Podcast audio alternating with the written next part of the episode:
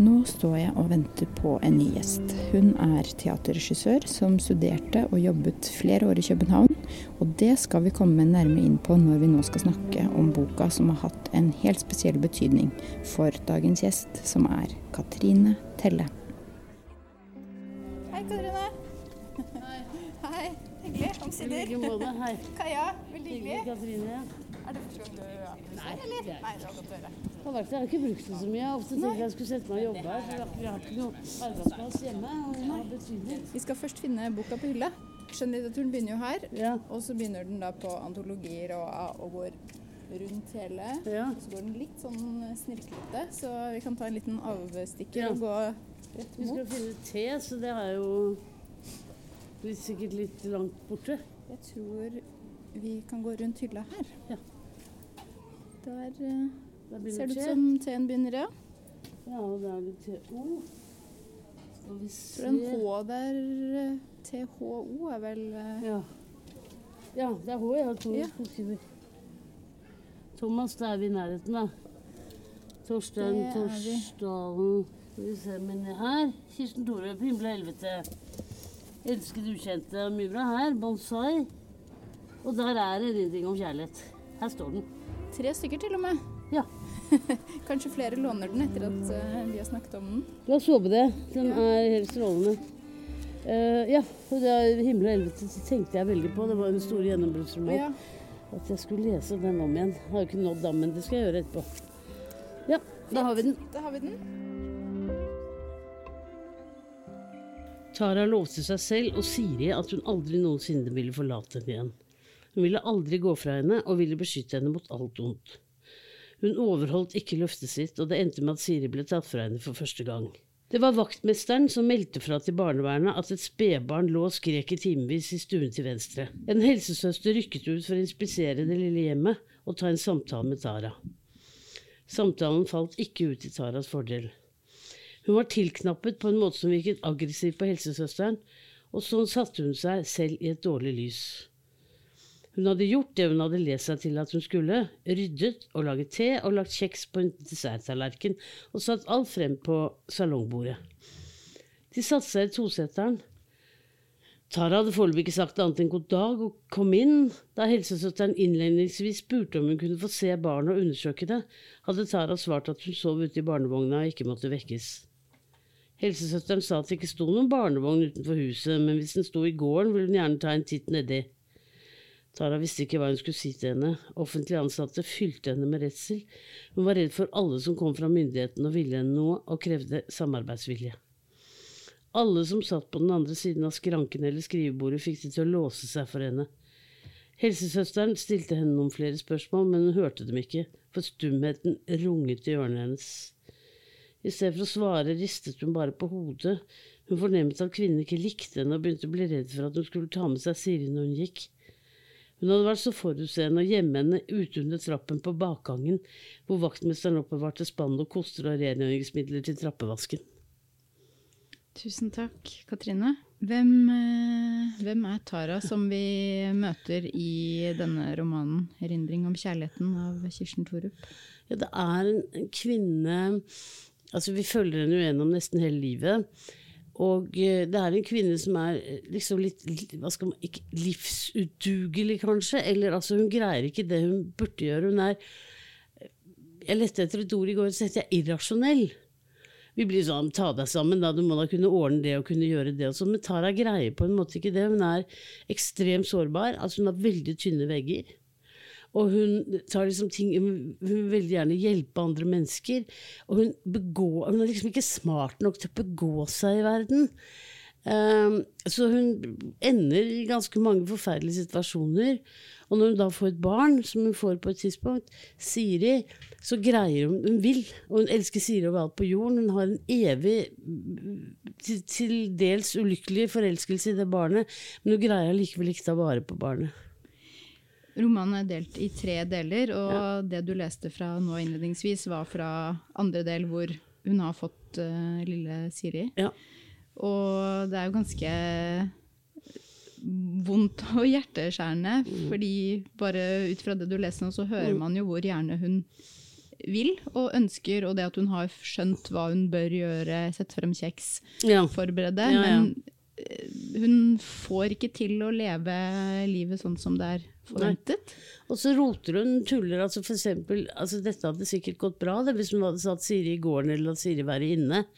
Men isteden gjemmer hun henne i kosteskap. og Det er jo en ekstremt dårlig idé. da. Hun har sånne panikkartete reaksjoner, det har vi jo alle sammen innimellom. Så, så bare liksom, Dette blir dumt. Ja. Men litt mer om eh, det tematiske, hva eh, Kirsten Thorup gjør i denne ganske kaotiske romanen, kan man kanskje si. Ja, den, den, den inneholder jo veldig mye, og den har en stor kvalitet for at den er helt uforutsigelig. Altså Det er en roman med hemmeligheter, på en måte. En roman du ikke vet, du vet ikke hva som kommer. Så den er litt utfordrende. Jeg har lest den nå to ganger, og jeg, synes, jeg har lest noe helt annet andre gangen. Det er veldig eh, altså Det er et stort stykke litterært eh, arbeid, dette her. Altså det er et stort verk, rett og slett.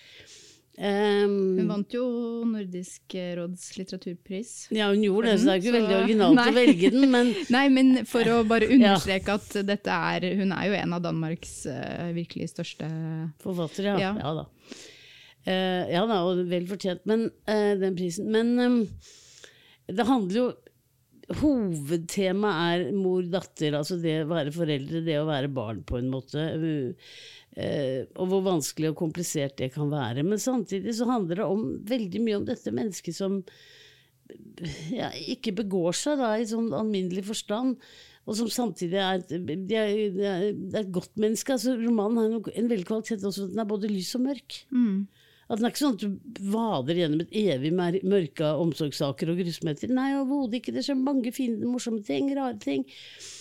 Eh, det handler mye om kunst, eksempel.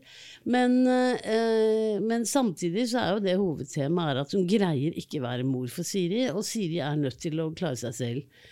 Og det skjønner hun ganske tidlig. Er en ulykkelig historie. Hun går på kino og greier ikke passe ungene gå på kino, og så kjempedårlig samvittighet og sitter oppe hele natten. Ja, hun stikker av Ja. eh, og lar Siri lille Ja, babyen være alene hjemme. alene, ja. Ja. Ja, det er Og komme hjem med de verste fantasier om å bryte seg inn, hun har glemt nøkkelen om å bryte seg inn hos seg selv. Altså, sånne håpløse ting hun roter seg inn i, liksom. Men så er hun også stadig vekk veldig redd for å gjøre noe galt og feil, og Ja. Mm. at Siri ikke skal overleve. Så man tror jo på at hun er oppriktig Jeg er livredd for å gjøre noe galt, men så gjør hun mye. Ja, hun roter seg inn. Ja, likevel, da. får feile tanker. Da kommer hun hjem, så sitter hun selvfølgelig med Siri hele natten og håper barnet skal tilgi henne. For hun har jo også en sånn voldsom respekt da, for denne babyen. Eh, og det er akkurat som Siri lever opp til det når hun blir større. Altså, så, som sånn seks-syvåring, kanskje tidligere, er Siri allerede i gang med egen vekkerklokke og ordner seg selv, smører matpakke, går hjemmefra.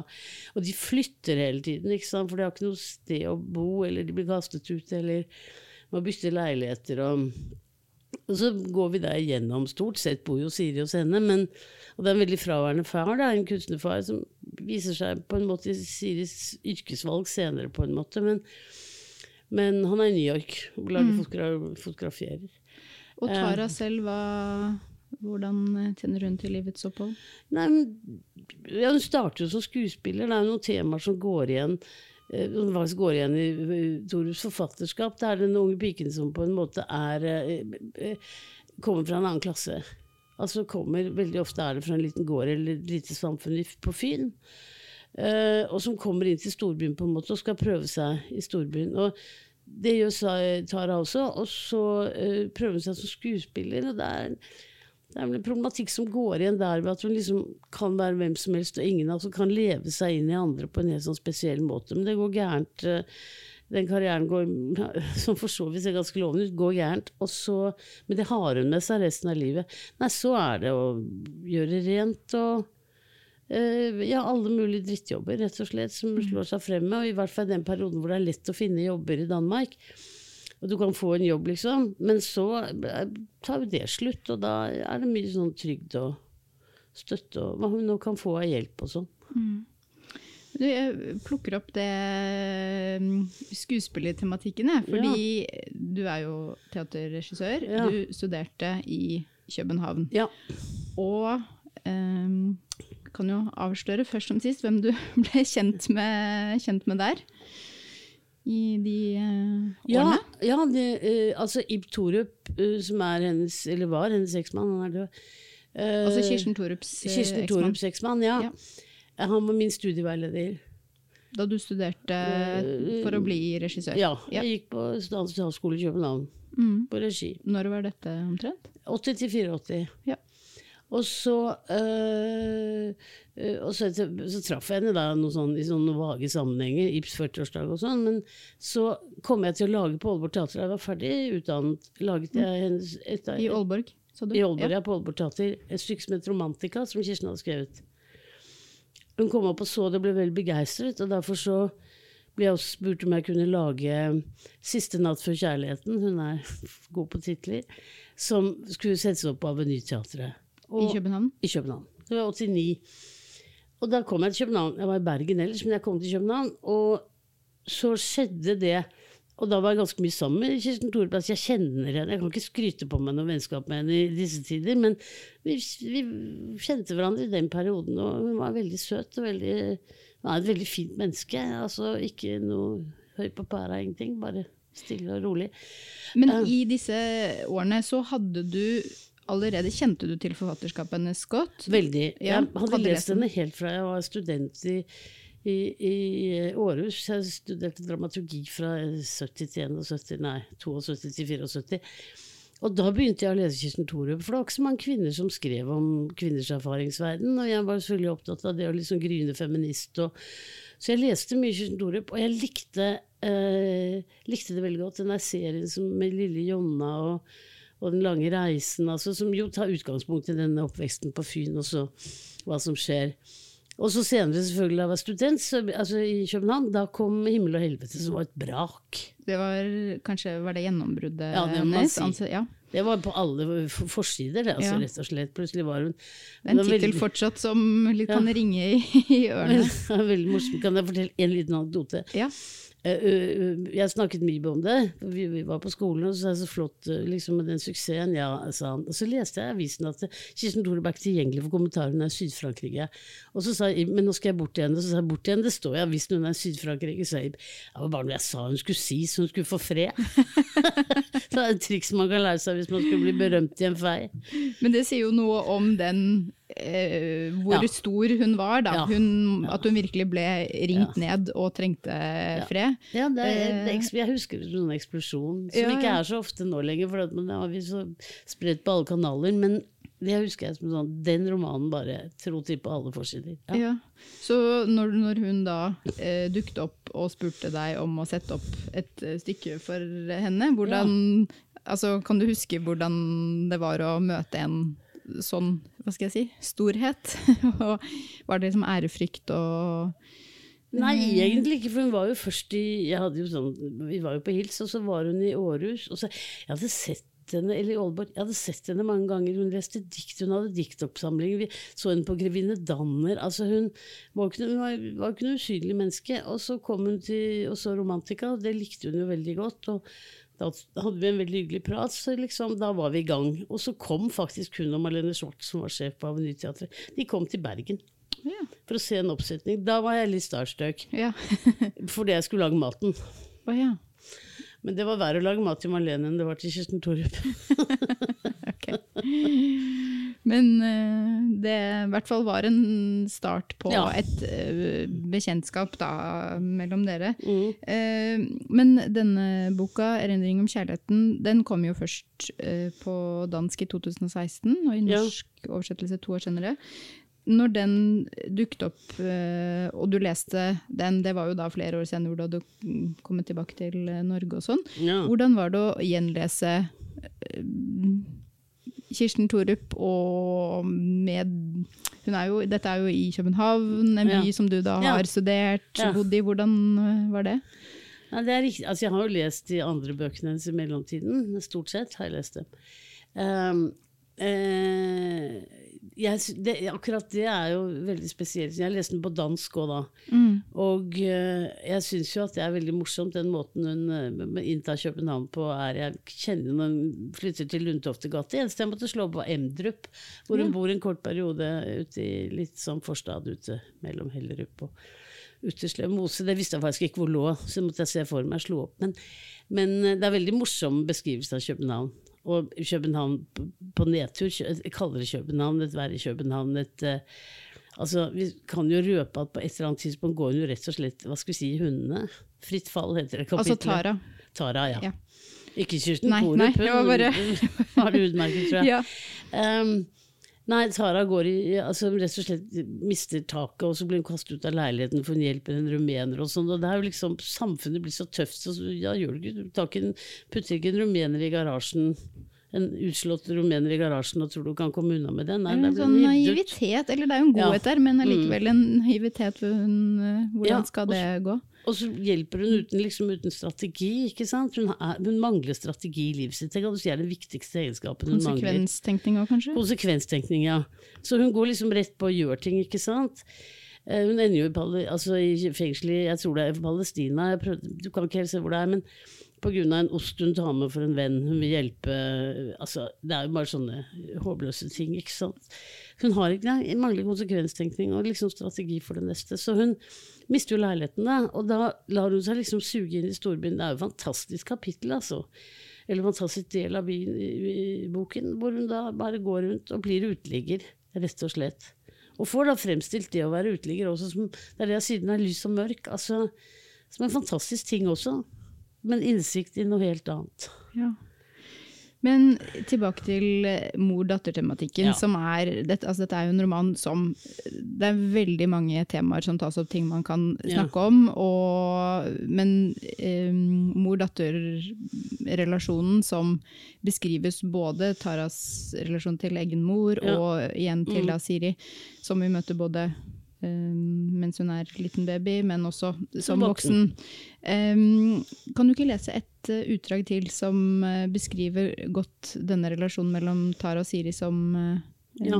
voksen, og så kan de snakke ja, litt det er for jo er ekstremt mye sårhet, ekstremt Ja. mye lengsel, ekstrem, altså erindringer om kjærligheten. Det er små glimt av kjærlighet opp igjennom hele veien. Og Siri er jo veldig sinna på henne i mange år. Altså Riktig ordentlig rasende, og de ser jo hverandre ikke og alt mulig sånt noe. Og dette er jo en beskrivelse hvor de møtes litt overraskende i byen. Mm. Uh, hvor Sara har begynt å undersøke hva Siri egentlig driver med, for hun er i ferd med å ut, uh, utvikle seg til en sånn uh, utvikle, eh, altså Hun eh, er en slags performancekunstner, men hun er i ferd med å gjøre en svær karriere som performancekunstner. De møter hverandre altså helt tilfeldig i byen. Dette er moren min Tara, og det er Rigmor, min mentor. Kvinnen rakte ut hånden mot Tara. Hyggelig å møte deg, Siri har fortalt meg så mye om deg. Det siste valgte Tara å overhøre. Hun undret seg over hva Siri mente med mentor. Hva kunne denne kvinnen lære Siri som hun Tara ikke kunne? Hadde hun overtatt oppdragelsen av Siri med ti års forsinkelse? Mentor var en betegnelse som kom imellom henne og Siri, slik kvinnen selv kom imellom dem. Tara skjulte sinnet sitt med et bredt, retningsløst smil. La oss invitere moren din med inn og se utstillingen, sa, Sara, sa Rigmor, selvfølgelig impulsivt. Selvbevisstheten hennes fikk Tara til å krympe seg som sammenkrøllete papirark. Siris ansikt stivnet. Dette interesserer visst ikke moren min, sa hun. Kjenner du til de unge ville? sa Rigmor med en vennlighet som Tara syntes virket falsk. Hun nikket og følte rødmen skylle opp i kinnene. Hvor kjenner du dem fra? sa Siri trassig. Jeg har kanskje lest om dem et eller annet sted, sa hun unnskyldende, og fikk seg ikke til å si at hun nettopp hadde sett utstillingen. Det ville virke feil at hun hadde sett den før Siri og hennes såkalte mentor. Er du lærer på Kunstakademi? spurte Tara i et forsøk på å få plassert kvinnemenneskets rolle i Siris liv. Lektor, rettet Rigmor. Er du også billedkunstner, da? Jeg kan magi, filosofi og historie, sa hun overlegens. Så hva er du lærer i? Tara holdt hardnakket fast på lærer. Siri var pinlig berørt og lot som hun var opptatt av beplantningen i anlegget. Jeg er leder avdelingen for teori og kunstformidling, sa hun med et snert av triumf og lukket munnen på Tara, som etter den opplysningen ikke kunne finne et passende spørsmål. Skal vi ikke gå inn, sa Siri utålmodig, de stenger om en time. Er dere sikre på at dere vil ha meg med? Tara hadde ikke føling med kroppen sin. Over henne svevde hodet hennes fritt i luften. Vi har ikke tid til å vente på at du skal bestemme deg, sa Siri hardt. Det lille vi-et hennes fikk Tara til å bli med inn og se utstillingen. For hvert sekund steg uviljen mot denne teoretiske kunstformidleren. Hun var sikker på at hun var en parasitt som hektet seg på et ungt talent som Siri, en kommende stjerne. Sara lot fantasien løpe løpsk og forestilte seg kvinnen som fyr som sugde, sugde blod av ofrene sine. Hun så for seg Siri blek og avkreftet, etterlatt halvt avkledd på en gammeldags sjeselong. Skrekkfantasiene ga en utløp for det store raseri som hadde grepet tak i henne, og på et tidspunkt kunne utløse en pinlig scene. Foreløpig overga hun seg til raseriet uten å spekulere på konsekvensene. Det falt henne ikke inn at Siri var voksen nok til å velge hvem hun ville omgås og knytte seg til faglig eller følelsesmessig.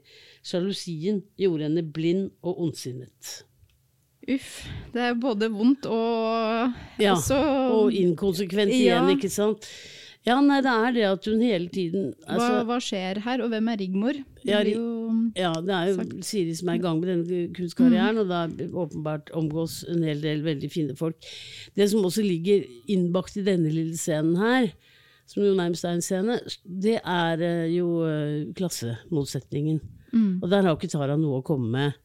Og det er noe hun drar med seg hele livet, sånn manglende allmenndannelse som hun opplever at hun har, eh, eller ikke har. Og at hun alltid føler seg underlegen. Siri har jo- har jo overhodet ikke det. Hun Eh. føler seg i denne situasjonen her uh, Forstår jo hvor liten og mindreverdig Ja, mm. hun føler seg får behov for å liksom Ja. ta Rigmor med å Ja, så opplever hun rett og slett Rigmor som en slags konkurrent. Da. En slags morskikkelse, en som Siri beundrer og stoler på og tror på og gjerne vil være sammen med, i motsetning til henne. mm. Som altså alltid er ulykkelig forelsket i sitt eget barn. Virkelig ulykkelig forelsket i sitt eget barn. De fleste av oss er i hvert fall forelsket i barna våre, og lykkelig og ulykkelig utenom. Altså eh, hit og dit. Men dette her er en stor ulykkelig forelskelse på mange måter. Så gjør hun Hun tar jo noen hva skal jeg si, pussige valg som For det fremkommer rett før det du leste nå, at hun hun har allerede sett denne utstillingen, men det vil hun ikke innrømme. Så hun ja. later som hun ikke har sett den før når hun inviteres inn. Ja. Eh, hvorfor tror du hun gjør det? Uh, fordi hun ikke på en måte vil røpe Hun har jo begynt å undersøke hva eh, Siri driver med, og har dukket opp på en performance hun har, og så plutselig den forelskelsen gjør at hun da begynner, eller denne interessen for Siri selvfølgelig, begynner å gå på alle mulige kunstutstillinger. Så på dette tidspunktet er Tara ganske godt bevandret i dansk kunstliv, og har da fått med det 80-tallet, 90-tallet, dette er der de unge ville. Um, Hva er de unge ville? ja, det er Damon Hirst, og altså det er de der, eh, den perioden der.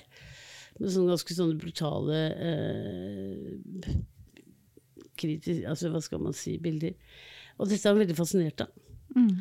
Og så må jeg også si en ting som er så morsomt, og det er at hun da også plutselig kommer over et bilde, altså en, en, en video, vi, Siri driver med video, hvor Siri har laget en video. Tara kommer over. Ja, Tara kommer over på hennes kulturting. Plutselig ser hun liksom på navnet hvem har laget denne. Det er en sånn ganske lang video hvor en høne blir sperret inne med et egg. Og hønen går omkring med det, eh, går omkring og har ikke noe å spise, ingenting. ikke sant? Blir mer og mer desperat. Til slutt liksom, så kakker hun i seg egget. Og den ser eh, Tara blir ganske fascinert, ser hvem som har laget den.